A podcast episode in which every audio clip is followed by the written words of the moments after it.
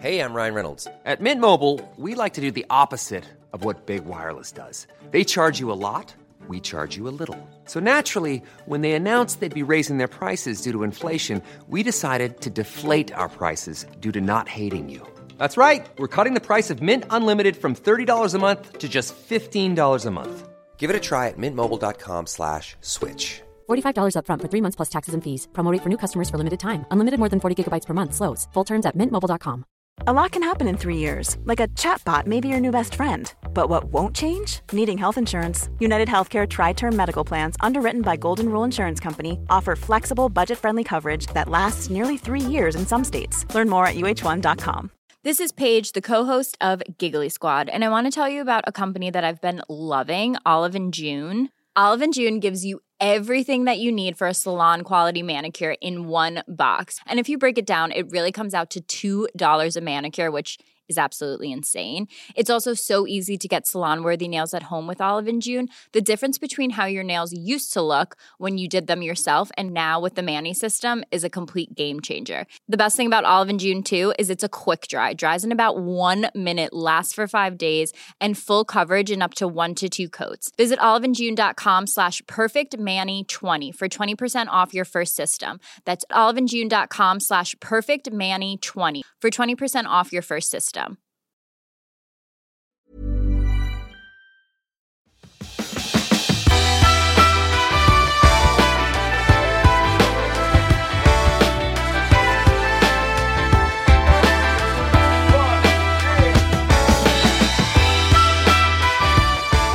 Hej och välkommen till avsnitt 161 med mig, Åsa Melin. Och det här är Klimakteriepodden.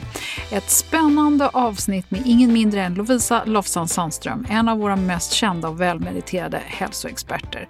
Dessutom så ska vi nu tala om det som många av oss kvinnor går igång på, nämligen det här med träning, struktur och vikt och hur man ska få effekt av både träningen och eh, ja, så att det märks på alla plan och man kan få känna av fördelarna. Så vill jag välkomna dig till min nya kanal boon.tv asa melin. Där vill jag lyfta livet som kvinna 40 plus, besvara frågor och diskutera ämnen med dig som är intressanta och relevanta kring hälsa och välmående med min egen erfarenhet som utgångspunkt. Så du har också möjlighet att vara med och ställa frågor i livesändningar och jag kommer också ha med gäster. Och redan nu så ligger det uppe flera filmer som jag hoppas du kan vara intresserad av. Så välkommen att titta in på boon.tv asa melin. Men nu till dagens gäst som redan inspirerat mig till att ta tag i ett par utmaningar.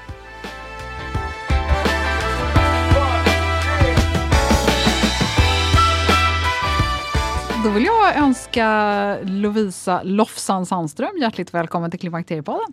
Tack! Vad roligt att se dig. Ja, men detsamma. ja, jag tror, jag satt och funderade här innan du kom på om du är den yngsta som har varit med i Klimakteriepodden. Men jag, jag kunde faktiskt inte reda ut det riktigt. Men, mm, jag är 36. Ja, eh, du har några år kvar fram till klimakteriet. Men du kan väldigt mycket om kvinnor i den här åldern, eller hur? Ja, av erfarenhet. Jag älskar ju att jobba med kvinnor och jobbar nästan uteslutande med den kvinnliga målgruppen inriktad på träning och hälsa och mycket livsstil och liksom att få ihop det som många tycker är, är pusslet. Och mm. då blir det ju så att min kunskap blir väldigt hög men också att jag får höra många olika livshistorier och många andras erfarenheter och sen pusslar jag ihop det till ja, men, liksom någon form av filosofi och att eh, kunna hantera människor i olika faser av livet. Men sen handlar det mycket om intresse, alltså när jag blev gravid med mina mina barn. Då var jag väldigt inne på graviditetsträning och sen nybliven mamma. Och nu, många av de kvinnor som jag jobbar och umgås med privat, de kommer in i klimakteriet och då väcks mitt intresse, vill jag lära mig mer och mm. sitter och gör små mini-intervjuer ja. med dem. Ja, perfekt. Du, eh, du har en bakgrund som kanotist på elitnivå och så är du idrottslärare från början, mm. GIH-utbildad. Och sen är du aktiv på massor med sätt inom träning som du precis redan har berört. Och framförallt så har du ju då byggt upp ett litet imperium kring dig själv eh, på olika sätt. Och du, är ju, du har ju vunnit en oändlig mängd med priser inom hälsa och du har varit årets PT och Och du är, för de som tittar på TV4 så har man sett dig eh, frekvent. Jag tror du har peppat många. Mm. så alltid är så glad och klämkäck. ja men precis. Ja, du nämnde att du var lite sur när du kom hit idag så får vi se hur klämkäck du blir här. men när jag inte kan cykla då blir jag sur. Ja precis och idag kunde du inte cykla för det var punka på hojen. Ja, ja. det var inte så roligt. Jag ska Nej. lämna in den. Ja precis. Det är inte, det är inte så här katastrof, den är inte stulen. Nej, ta i trä. En. Ja, precis. Du, ehm, eh, en sak som är spännande också är att jag har fått eh, tjuvläsa, kan man nästan säga, eh, med din tillåtelse naturligtvis, din nästa bok som kommer ut alldeles här snart. Och det är bok nummer sju. Och den handlar, det är egentligen inte därför vi är här, för den handlar om allt du behöver veta om vikt. Och det vet jag att tyvärr väldigt många av mina lyssnare och jag själv tycker är ett väldigt spännande ämne. Nästan kanske lite för spännande om jag ska vara uppriktig.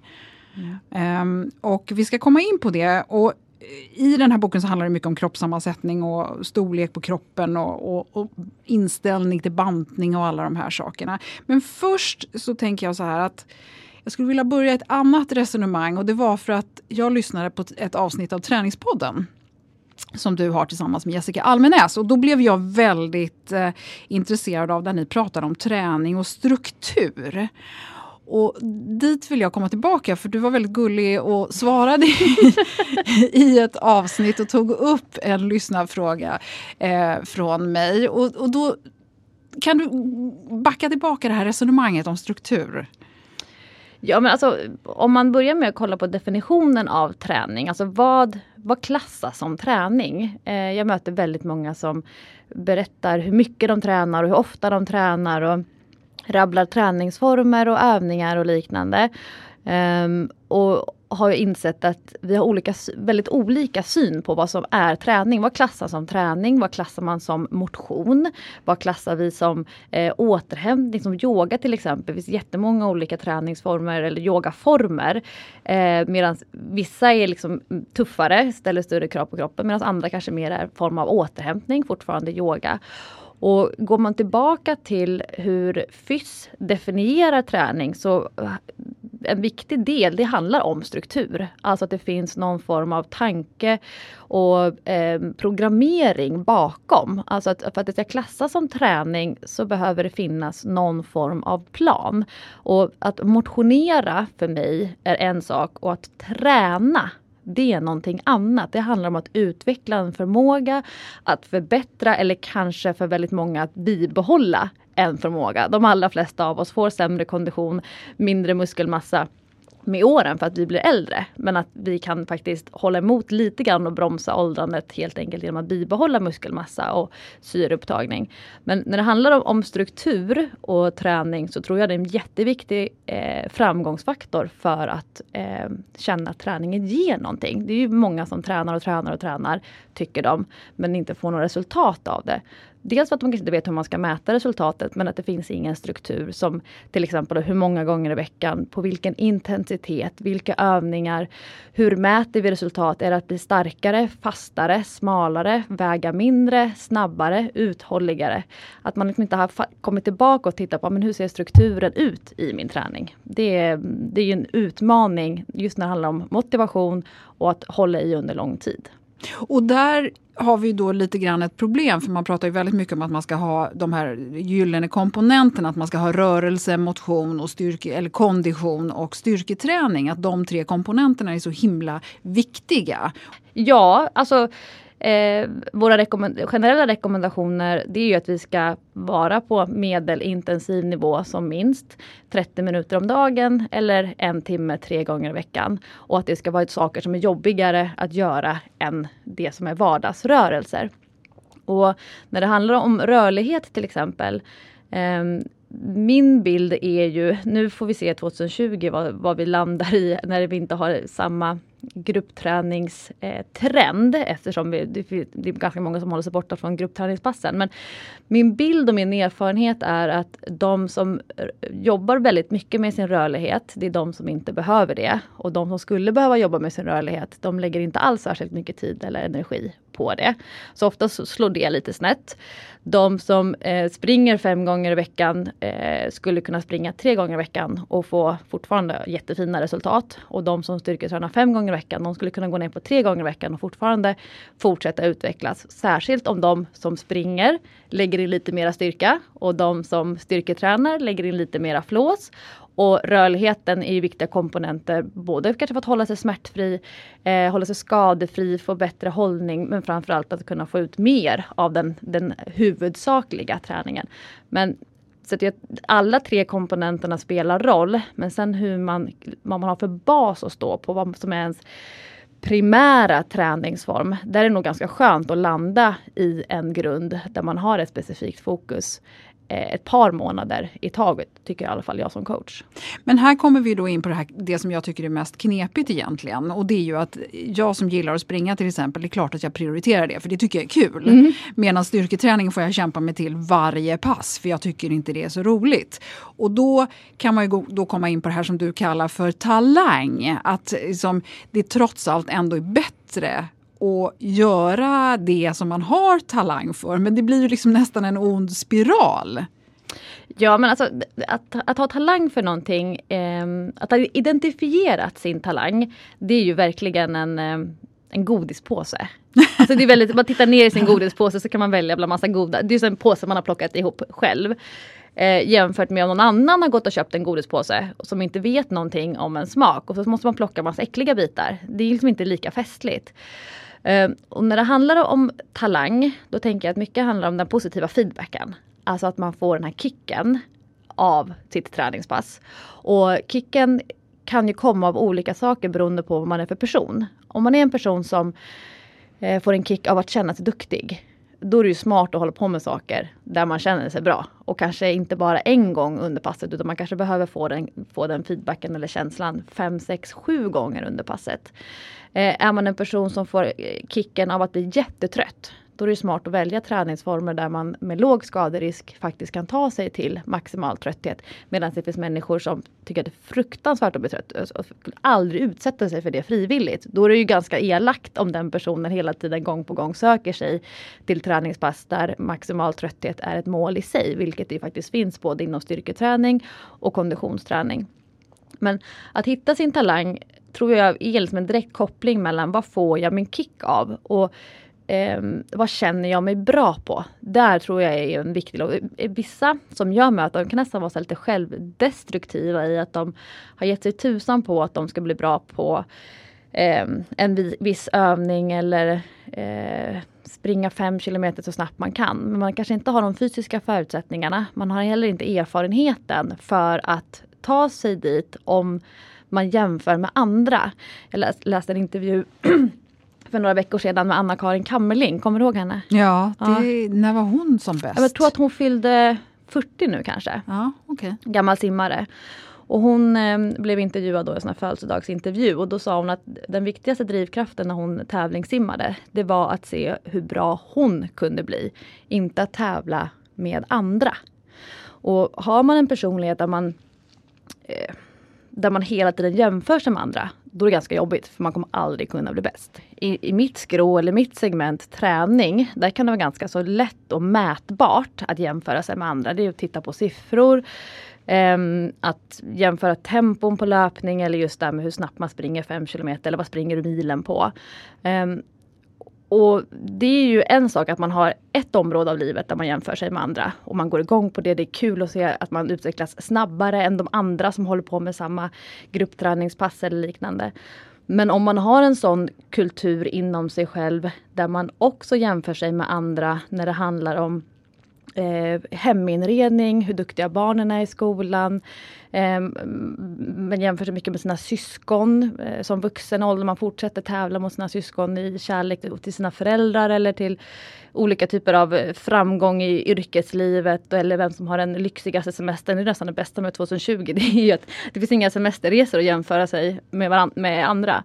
Eh, då är det nog ganska jobbigt att gå runt eh, i livet och då knepigt att träningen ska vara ytterligare en faktor där man jämför sig med andra. Jag till exempel tycker att det är kul att tävla och jämföra mig med andra och eh, triggas väldigt mycket av det. Men jag har ju noll sån eh, vad ska man säga, kämpaglöd på andra delar av livet. Men vissa har ju faktiskt det som gång på gång, att man hela tiden strävar efter att vara bättre än alla andra på det allra mesta. Och det tror jag är ganska jobbigt. Eh. Men, men då om man kommer tillbaka till det här med talangen. Bara för att jag tycker det är kul att springa betyder inte det att jag har talang för det egentligen. Så jag tänker, hur, hur hittar man talangen? Är det glädjen som styr? Eller hur, hur liksom, för att hitta det som får dig att överhuvudtaget sätta igång och hitta någon form av glädje så att det blir kontinuitet. Vad, hur, vad har du för recept? Ja, men knäcka koden. Ja. Där, där lägger jag jättemycket vikt som coach. Jag har eh, PT-klienter som har börjat träna ordentligt efter att man har fyllt 60. Och har aldrig tränat i hela sitt liv. Man har alltid hållit sig smal eller i form med hjälp av promenader och att eh, liksom, eh, hålla igen på, på maten som en sån del av en kultur. Och det finns ju en ganska stor generation kvinnor som helt enkelt har tagit hand om sina kroppar på det sättet. Um, och att knäcka koden, det, för mig handlar det om att um, hitta förutsättningar för att till exempel lära sig rörelser. Och jag brukar prata om kroppslig intelligens. Jag ser ganska stor skillnad på människor eh, hur snabbt de lär sig beroende på hur, vilka träningsformer eller idrotter de höll på med som barn. Om de tränade genom puberteten och framförallt då tonåren. Fortsatte man med någon form av idrott under gymnasiet? Eh, hade man ett uppehåll i träning under eh, högskola, universitet?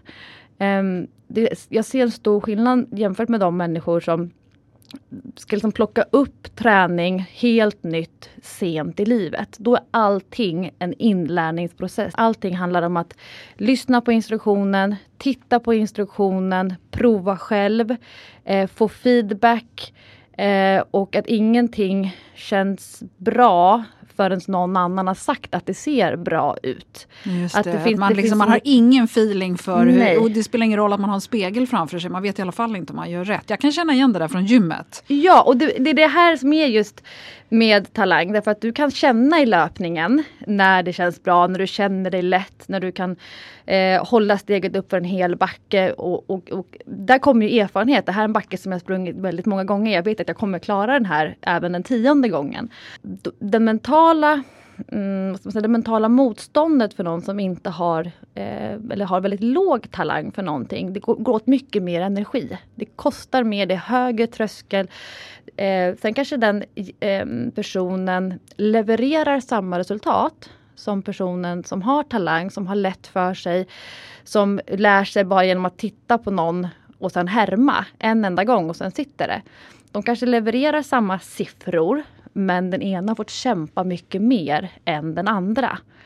Och det är det som är så enormt orättvist med träning. Alltså mm. träning är fruktansvärt orätt, eh, orättvist och träningsresultat jätteorättvist. Det finns så många som tränar enormt mycket och som får väldigt lite för det fysiskt men man får jättemycket för det mentalt och tvärtom. Alltså att säga att det skulle vara eh, blod, svett och tårar bakom träningsresultat. Det stämmer inte därför att de, väldigt många har väldigt lätt för sig och det jobbiga är ju när de människorna får vara normen. Och, och det försöker jag passa mig för, som i mitt fall, som har väldigt lätt för mig, har lätt att lära mig nya rörelser, nya övningar, eh, olika träningsformer. Jag vill inte vara normen därför att de allra flesta får kämpa ganska mycket, särskilt om man inte har en träningsbakgrund tidigare i livet. Men, men där tänker jag också att det, det, finns ju en mental, det finns både kroppsligt och mentalt motstånd tänker jag. Alltså det psykologiska, eh, att släpa sig iväg till någonting som man inte tycker är kul eller släppa sig ut på en löprunda när man faktiskt nästan till och med ja, är beredd att göra vad som helst för att slippa. Det, blir... det är därför folk betalar en PT. För det kostar, det kostar så mycket att inte dyka upp på passet. Så då är, det liksom, då är det lika bra att gå dit fast man egentligen inte vill. Men nu har man betalat för det så då kan man lika gärna dyka upp och så vet man att bara genom att dyka upp så blir det väldigt bra. Ja, i din nya bok här så, så pratar du ju mycket då om, om vikt på olika sätt och eh, det kan man väl konstatera att det kommer väl en del ha synpunkter på på olika sätt. Varför fokuserar vi på vikt? Men jag tycker att du lyckas gå igenom det också på ett väldigt bra sätt att sätta vikt i förhållande till hälsa. Och det finns olika ambitionsgrader och anledningar för olika människor människor. Så att vi behöver inte gå in på den liksom moraliska diskussionen utan jag tänker mer snarare att eh, om du, du pratar väldigt mycket om vardagsrörelse och motion i den här boken som ett sätt att få igång det. Jag tycker att många är alldeles för fokuserade på sin vikt. Och det är väl därför jag vill att människor ska veta vissa saker om vikt så att de kan förhålla sig mycket bättre till den här eh, starka vänskapen eller fiendeskapet som man har med sin egen vikt. Um, och när det handlar om träning och vilka förväntningar man har på vad träning ska ge och tänker att framgångsrik träning det är lika med viktnedgång. Det är jättevanligt. Och jag vill vända och vrida på det där och förklara att eh, träning gör väldigt lite för vår vikt, för en människas vikt. Det handlar om att titta på det stora hela och det kostar mycket mer mental energi att träna för att reglera vikt än vad det kostar om man bara rör på sig mer. Och väldigt många människor som tränar mycket, de rör på sig väldigt lite. Och tvärtom, väldigt många människor som tränar väldigt lite, de rör på sig jättemycket. Men på samhällsnivå så creddar vi träning väldigt högt. Människor som tränar har väldigt hög status och kan nästan komma in med, på ett bananskal från sidan i vilket sammanhang som helst. Och liksom komma upp ganska högt upp i hierarkin helt enkelt bara för att man tränar. Och det vi vet idag kring folkhälsa, alltså nu pratar vi om hälsa på populationsnivå, men det vi också vet hälsa på individnivå, det är att människor som rör på sig mycket, de mår bättre, de har en väldigt bra kondition och de har också fina förutsättningar för att bibehålla muskelmassa. Människor som varken tränar eller rör på sig och anledningen till att de inte tränar, det är för att de vill inte vara en sån som tränar. Man identifierar sig inte med den gruppen man vill hålla sig utanför. Men då tycker jag att man ska veta att man kan fortfarande få jättefina förutsättningar för hälsa och en schysst kroppssammansättning då, alltså fördelningen mellan muskelmassa och eh, fettvikt till exempel. Eh, genom att helt enkelt röra på sig mer i vardagen. Att våra armar och ben mår väldigt bra av att rö vi rör på oss. Vi måste inte belasta tungt och gå på bodypump eller lyfta vikter i gymmet för att faktiskt eh, bibehålla en bra kroppssammansättning.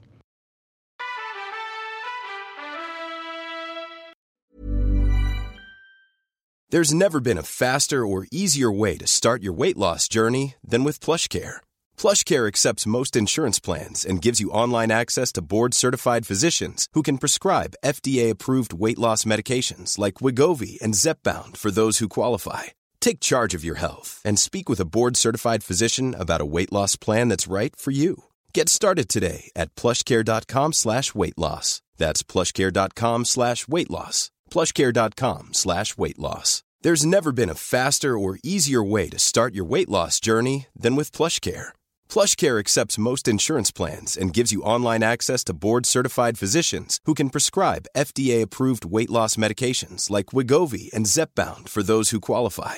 Take charge of your health and speak with a board-certified physician about a weight loss plan that's right for you. Get started today at plushcare.com slash weight loss. That's plushcare.com slash weight loss. plushcare.com slash weight loss. A lot can happen in three years, like a chatbot may be your new best friend. But what won't change? Needing health insurance. United Healthcare Tri Term Medical Plans, underwritten by Golden Rule Insurance Company, offer flexible, budget friendly coverage that lasts nearly three years in some states. Learn more at uh1.com. Det är härligt att klimakteriets tabu äntligen är på väg bort. Vill man försöka klara sig utan hormonbehandling så finns nu många nya kosttillskott som lovar bland annat hormonell balans och som ska stötta brister. Jag vill lyfta min räddare i nöden, Femarell. Det har inte bara varit min utan många andra kvinnors räddning i över 20 år. Och med lång tid på marknaden, med nöjda användare, dessutom med 20 forskningsstudier så vågar jag säga att det kan vara en god idé att prova Femarell. Femarel finns på apoteken och i hälsokostbutiker. Tack Femarel som varit min samarbetspartner i många år.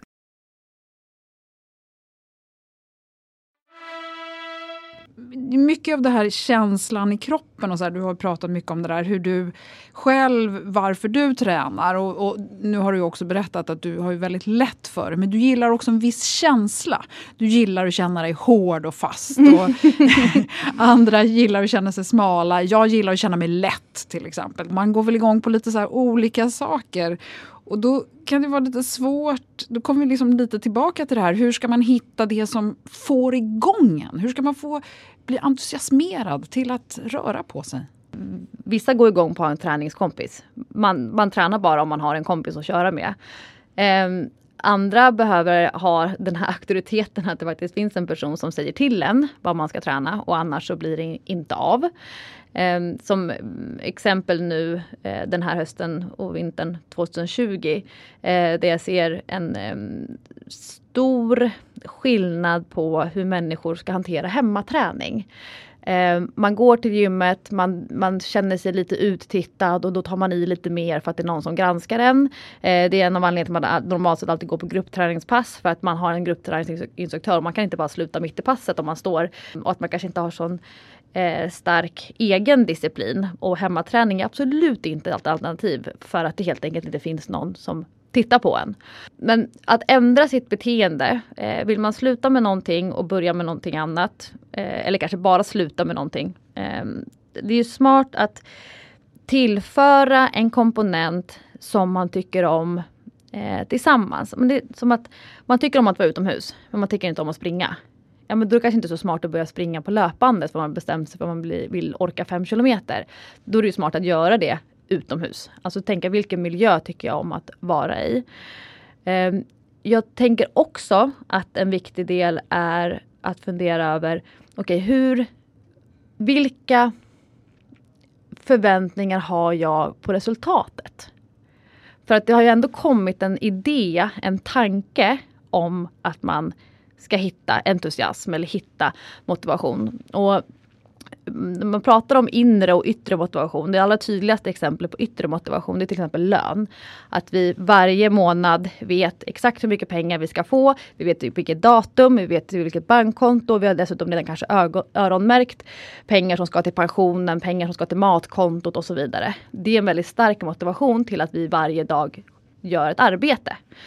Och min pappa han är arbetsrättsjurist och är väldigt, så här, eh, väldigt juridisk med lagbok och så. Och han säger till mig, ja Lovisa, lön det är att se som skadestånd för utebliven fritid. ja. och så ja, och jag tänker så här, men det kan ju finnas en, en stark inre motivation till eh, att gå och arbeta. Att man tycker om sammanhanget, man gillar sina kollegor, man tycker om att utvecklas, få nya utmaningar. Um, att man ställs på prov då och då, ofta lagom mycket, lagom ofta. Men det finns en poäng i att se lön som skadestånd för utebliven fritid. Just det här skadeståndet. Och, och när det handlar om skadestånd till träning, alltså vad får jag utbetalt för att jag gör det här arbetet? Att jag faktiskt väljer bort att göra andra saker vad får jag ut av det? Och det är det som jag skulle vilja, till exempel med den här boken, att folk ska fatta.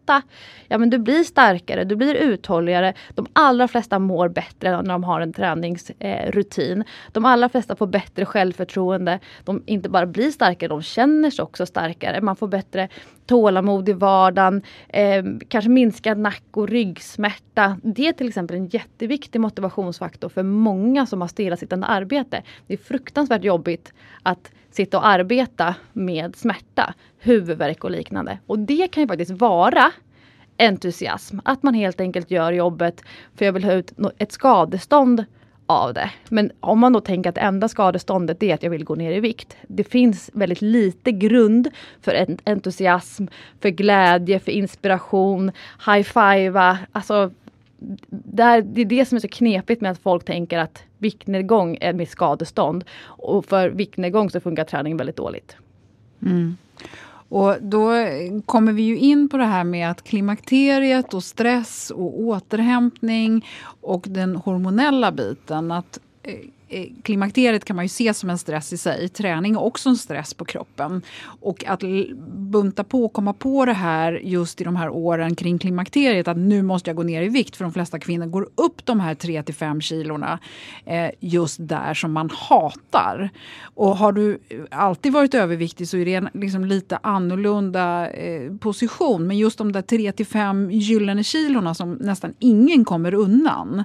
Det blir ju en väldigt farlig väg att gå du då börjar strypa matintaget, du ökar träningen och du samtidigt liksom sover inte på nätterna och så vidare. För, hur, hur hanterar du de kvinnorna som du coachar? Som...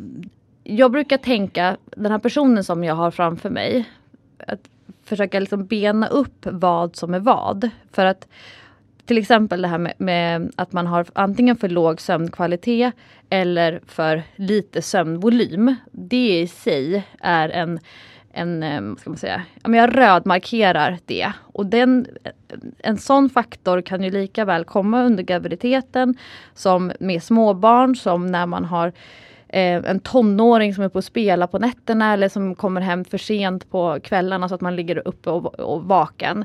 Och sen så kanske det, att man har en tonåring som stökar på nätterna sammanfaller dessutom med att man är i klimakteriet, vilket som då blir en dubbelkomponent. Men jag tittar område för område. Tittar på hur sömnen ser ut. Eh, ofta ber jag människor skriva dagbok. Skriva, eh, logga sin sömn. Inte att man måste ha hålla på med en sömnapp, men att man helt enkelt skattar hur bra man har sovit, hur pigg man känner sig på morgonen, hur återhämtad är jag. Eh, skattar också hur energinivån har varit under dagen. Och sen så jobba för varje del när det handlar om maten. Okay, om det är en person som upplever till exempel känner sig låg, eh, kanske inte som en sån lätt depression, men man känner sig lite deppig. Har ganska mycket sötsug på eftermiddagarna, eh, hamnar i kanske att man eh, kvällsäter väldigt mycket. Då tittar jag på okay, men hur mycket har den här personen ätit under dagen. Hur står den, det energiintaget i relation till de rörelserna som har skett, kanske inte bara den här dagen men dagarna innan, dagarna efter. Och sätta det då i sitt sammanhang på med sömnen. Det kanske är så att många av de här tillfällen om man stoppar någonting i munnen kanske 10-12 gånger om dagen. Vilket inte alls är ovanligt för, eh, för många kvinnor. Att man tre huvudmål, frukost, lunch, middag och sen är det två mellanmål. Och sen så stoppades det grejer i munnen där. Ja, men, ha, eh, kanske eh, hänger ihop med att försöka hantera sömnbrist. För att hantera irritation och stress. Och att man använder då stoppet som en distraktion eller för att höja sitt humör. Så just energinivåerna kan ju komma av, att, av sömnen, eh, av hur man äter, men också de här vakna timmarna som man är vaken. Vad har man för typ av återhämtning under den dagen? Har man en en eh, kultur av att man alltid har fyllt på med massa grejer under dagen. Att det finns liksom inget, inga kuddar, inget luft, inget fluff mellan olika typer av möten och konfrontationer oavsett om det är arbetslivet och sen så över till familjeliv och sen över till hur ser återhämtningen ut under dagen? Vad är det för typ av eh, mobilkultur en person har? Alltså sådana grejer också. Allt det där för mig hänger ihop. Så jag jobbar jättemycket med att kartlägga, försöka se lite samband och se okej, okay, vad av det här kan vi påverka och vad behöver vi släppa? Men sånt som jag kan bli provocerad av, till exempel då det med sömnen. Om man vet att Eh, jag, jag, sover dåligt, jag sover för lite. Och ändå så finns det en skärmkultur fyra timmar innan man går och lägger sig. Att man inte har koll på hur sömnhygienen, vilka ramar behöver kroppen och hjärnan för att faktiskt kunna sova bättre. Är man jättetrött på eh, sen eftermiddagen så börjar man dricka kaffe och sen så klagar man på att man inte kan sova på natten. Ja men försöka minska kaffeintaget. Det blir mm. sån här, mycket handlar om att sätta upp ramar. Vad kan jag kontrollera? Vad behöver jag släppa? Och lägga fokuset. Många av oss tror jag inte tänker på alla de här små grejerna vi gör som gör, skapar krokben för oss själva. Och det är ju mänskligt. Ja. Alltså, vi har ofta ett ganska kort minne. Mm. Och frustration till exempel kring de här 3 till 5 kilorna som, som um, många, eh, många klimakteriet vittnar om. Jag har inte jag varit där än.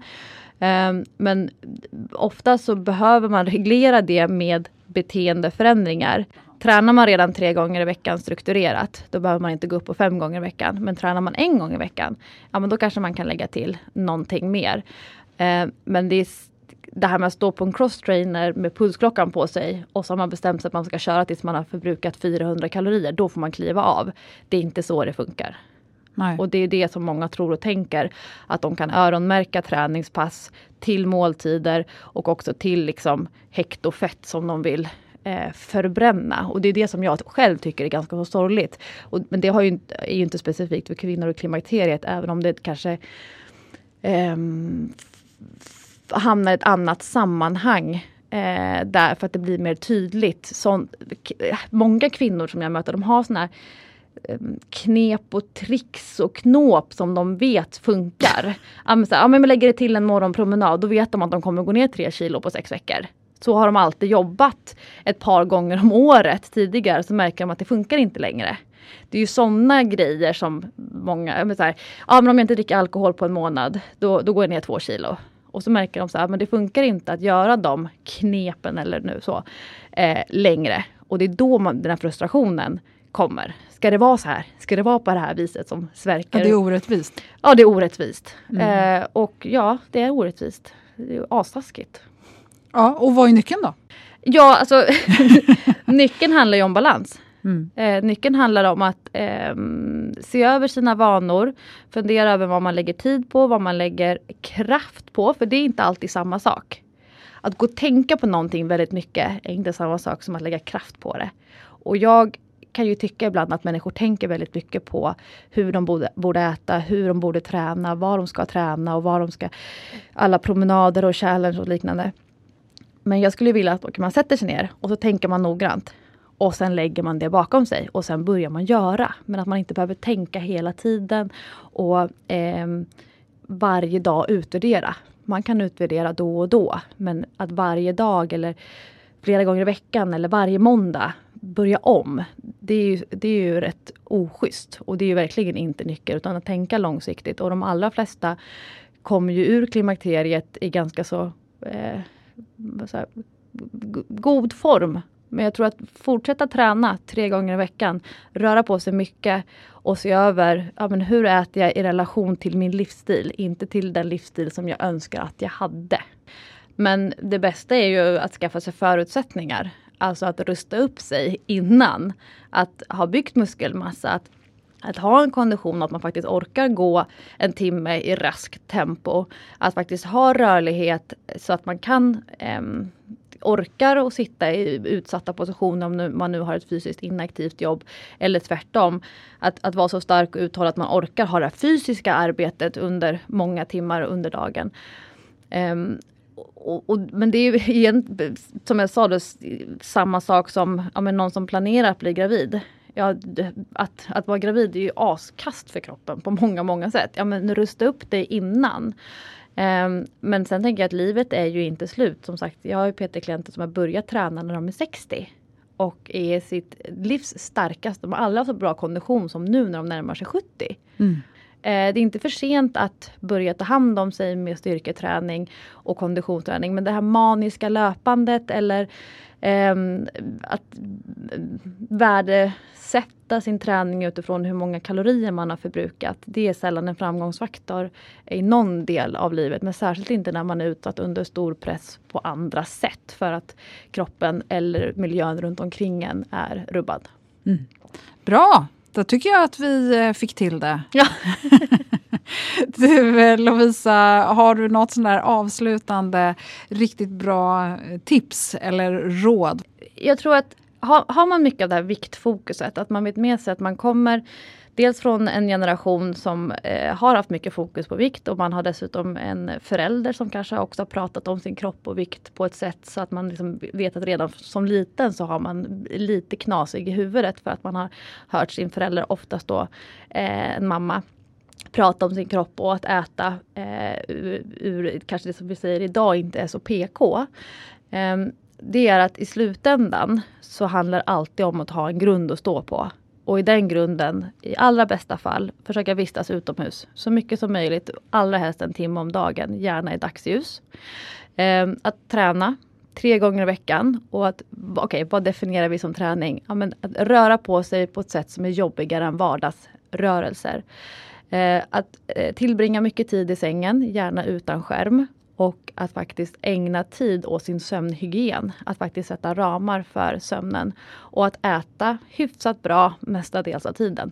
Det räcker väldigt, väldigt långt. Den grunden bör man kunna stå på innan man börjar hoppa på dieter, provar olika saker, eh, hoppar över måltider och liknande. Alltid ha en grund att stå på. Det skulle jag vill, verkligen vilja skicka med till din dina lyssnare. Ja, men tack. Du, och sen så ska jag ta en personlig fråga allra, allra sist. Och då tänker jag lite på det här med, med det man har lärt sig att göra som går ganska lätt. Måste det alltid vara lika jobbigt att träna? Det här med att eh, ska pulsen alltid upp, upp, upp, upp, upp? Ska man alltid så att säga, kan man få bara mysträna för att förbättra sig? Absolut. Jag skulle säga att väldigt många som vill bli uthålligare, de springer för snabbt när de egentligen borde springa väldigt långsamt och lite längre. Eh, vi vet att när det handlar om konditionsträning så behöver vi vara i alla pulszonerna, både med jättehög puls men korta stunder. Men det vi framförallt behöver vara i, det är låg puls under långa perioder. Och det är det som är så bra med vardagsmotion, som för väldigt många faktiskt också är konditionsförbättrande för att vi är i en lägre pulszon många timmar per dag. Mm. Och det blir effektivare på sikt? Ja, framförallt för uthållighet. Men vill och skonsammare man, Vill man bli snabbare, då brukar det vara de höga pulstopparna då och då som gäller. Men det behöver inte vara flera gånger i veckan. Och där kommer ju också in det här med teknik. Många är också rädda för kritik. Mm. Alltså att man helt enkelt eh, har svårt att ta kritik, även om det är tänkt som feedback från coachen eller från någon välmenig på gym, eller välvillig på gymmet som vill hjälpa till. Men eh, det är ju en konstform att kunna ta eh, feedback som ut alltså som förbättringspotential och inte som eh, kritik. För många av oss lever med kritik konstant, en inre självkritik. Och det behöver inte komma eh, utifrån. Så det kan ju apropå så här, entusiasm och hitta glädje. Det kanske är att stänga av sin eh, inre självkritiker och faktiskt ta hjälp av någon som är objektivt duktig och som också har den pedagogiska sidan, kunna paketera feedback, vilket ju inte alls är en självklarhet. Nej. Nej, men bra, men den tar vi med oss. För jag tror att många av oss är alldeles för kritiska i onödan. Utan klappa mer på oss själva. Och jag så. tror att du ska komma till mig och styrketräna och bli, bli, känna dig tryggare med stången. För den är inte läskig. Hantlarna är ganska så sköna att hålla i också. Ja, vi får se om jag vågar det. Tusen tack för att du kom till Klimakteriepodden idag Lovisa. Jag vet att du har jättemycket omkring dig så jag uppskattar verkligen att du tog dig tid idag. Ja, bara roligt. Ja, tack. Tack.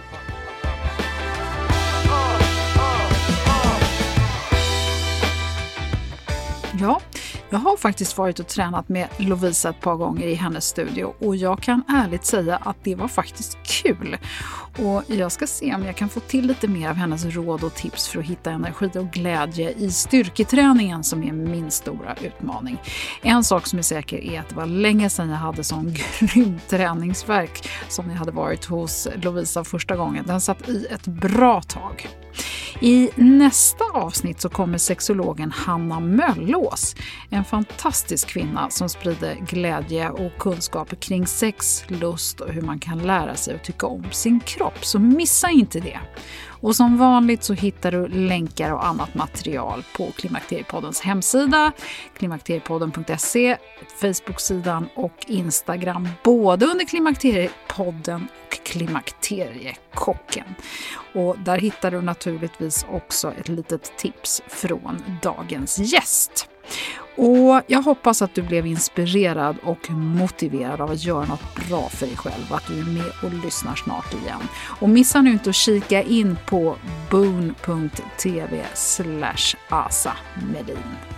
Det är alltså boon med två o, b-o-o-n.tv snedstreck Asa Melin.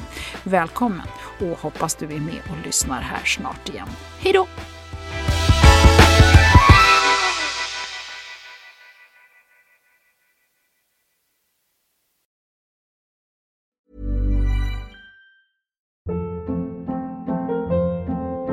Hold up. What was that? Boring. No flavor. That was as bad as those leftovers you ate all week. Kiki Palmer here, and it's time to say hello to something fresh and guilt-free. Hello Fresh. Jazz up dinner with pecan-crusted chicken or garlic butter shrimp scampi. Now that's music to my mouth. Hello Fresh. Let's get this dinner party started. Discover all the delicious possibilities at hellofresh.com.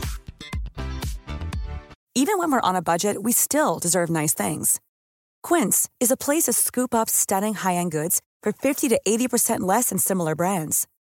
They have buttery soft cashmere sweaters starting at $50, luxurious Italian leather bags, and so much more. Plus, Quince only works with factories that use safe, ethical, and responsible manufacturing. Get the high-end goods you'll love without the high price tag with Quince. Go to quince.com/style for free shipping and 365-day returns. Imagine the softest sheets you've ever felt. Now imagine them getting even softer over time. That's what you'll feel with Bowl and Branch's organic cotton sheets. In a recent customer survey, 96% replied that Bowl and Branch sheets get softer with every wash. Start getting your best night's sleep in these sheets that get softer and softer for years to come. Try their sheets with a 30-night guarantee. Plus, get 15% off your first order at bowlandbranch.com. Code BUTTERY. Exclusions apply. See site for details.